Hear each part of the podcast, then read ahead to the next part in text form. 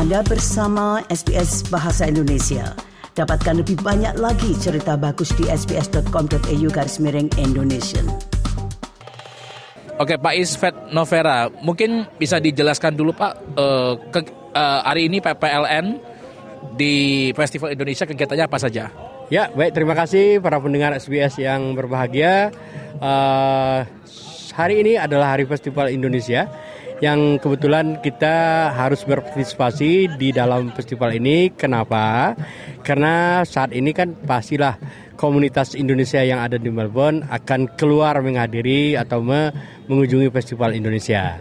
Nah ini saatnya kita untuk mensosialisasikan bahwa sekarang PPLN Melbourne itu sudah pada tahapan uh, pendaftaran uh, pemilih tambahan namanya. Jadi kalau teman-teman bertanya tentang bagaimana cara pindah memilih dari satu kota ke Melbourne atau sebaliknya dari Melbourne untuk pulang atau ke, kota lain, tempat lain, nanti silakan ditanyakan di booth kami di PPLN Melbourne yang ada di Festival Indonesia ini.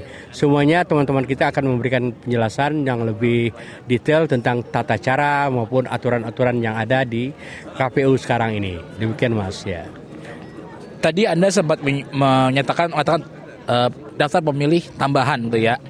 Saya juga uh, pernah dengar ada namanya daftar pemilih tetap. Boleh tahu tuh bedanya apa, Pak? Daftar pemilih tetap itu adalah daftar pemilih yang sudah ditetapkan oleh KPU secara nasional itu pada 20 Juni 2023 lalu. Itu tidak bisa lagi untuk ditambah. Jadi kalau ada pendaftar yang belum daftar pada sebelum tanggal itu, itu tidak bisa lagi masuk ke dalam uh, daftar pemilih tetap. Nah, kemudian yang bisa dilakukan yang belum daftar ya, yang belum daftar pada saat itu kalau memang belum terdaftar di mana pun DPT di dunia ataupun di dalam negeri, kalau dia tinggalnya ada atau adanya di Melbourne pada saat itu, masuknya ke daftar pemilih khusus, yang mana nanti satu jam sebelum terakhir itu bisa me mencoblos dengan syarat kalau bila ada sisa surat suara. Nah sekarang DPTB itu adalah orang yang sudah terdaftar di DPT di mana pun di seluruh dunia atau di Indonesia mau pindah. Nah, jadi pindah ke salah satu tempat, bukan hanya Melbourne, ke mana saja. Nah itulah saatnya proses kita proses sekarang. Ada ada caranya memproses. Jadi kalau dia dari Indonesia pindah ke Melbourne, boleh. Tadi ada formnya A5, surat pendaftar uh, surat pindahnya A5 Nanti kita cross check di mana asalnya tadi. Sehingga nanti dengan hasil cross check di sana mencoret namanya, di sini kita hidupkan namanya. Sehingga daftar pemilih ganda tidak akan terjadi lagi di pemilu ini. Yakin 100% gitu.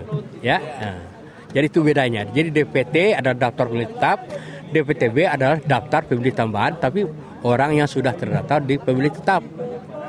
Kalau belum terdaftar, dia masuk pemilih daftar pemilih khusus nanti. Satu jam terakhir hadirnya di TPS kalau ada sisa surat suara. Itu bedanya ya. Berarti intinya adalah kalau misalnya kita suka daftar uh, terdaftar sebagai pemilih tetap, tapi kita misalnya berpindah domisili ataupun berpindah negara, kita jatuhnya adalah uh, pem, pemilih tambahan ya, gitu ya. Oke. Okay. Oke, okay, Pak, saya tadi sempat melihat juga stand dari PPLN. Saya melihat ada uh, expression of interest untuk KPP SLN. Nah, ini bisa dijelasin apa ini, Pak?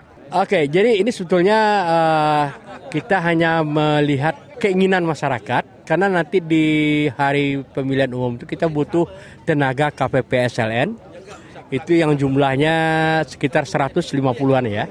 150-an orang. Nah, sekarang kita menjaring kira-kira siapa saja yang berminat. Bukan pendaftaran loh. Ingat, ini bukan pendaftaran. Nanti kalau ada pendaftarannya akan dibuka secara terbuka nanti. Nah, jadi kita hanya menjaring siapa kira-kira yang yang berminat untuk menjadi KPPSLN nantinya. Jadi jangan salah tangkap, ini bukan pendaftaran, hanya melihat interest dari masyarakat.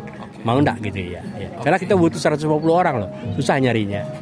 150 orang ini nanti pada saat uh, pelaksanaan pemilu tugasnya apa, Pak? Tugasnya di lapangan yaitu di bilik suara mereka akan mendata si pemilih kemudian memberikan surat suara, ketua KPPS memberikan surat suara yang ditandatangani, kemudian memperhatikan orang masuk ke bilik suara, lalu nanti memperhatikan bahwa surat suara yang dipilih itu memang masuk ke kotak suara, kemudian memberikan tanda setelah memilih dengan tinta ya, ya di jari itu.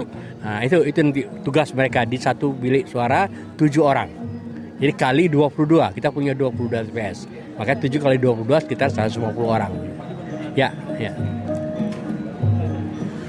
Oke Pak, uh, mungkin itu saja yang bisa saya tanyakan. Sudah cukup. Kalau gitu Pak, terima kasih atas waktunya untuk diwawancarai bersama SBS. Terima kasih Mas. Terima kasih para pendengar dan salam sehat selalu dan jangan lupa datang ke TPS KJRI Melbourne tanggal 10 Februari hari Sabtu untuk ramai-ramai kita memberikan hak suara kita, hak pilih kita karena itu adalah hak dari warga negara. Terima kasih. Anda ingin mendengar cerita-cerita seperti ini? Dengarkan di Apple Podcast, Google Podcast, Spotify, atau di mana pun Anda mendapatkan podcast Anda.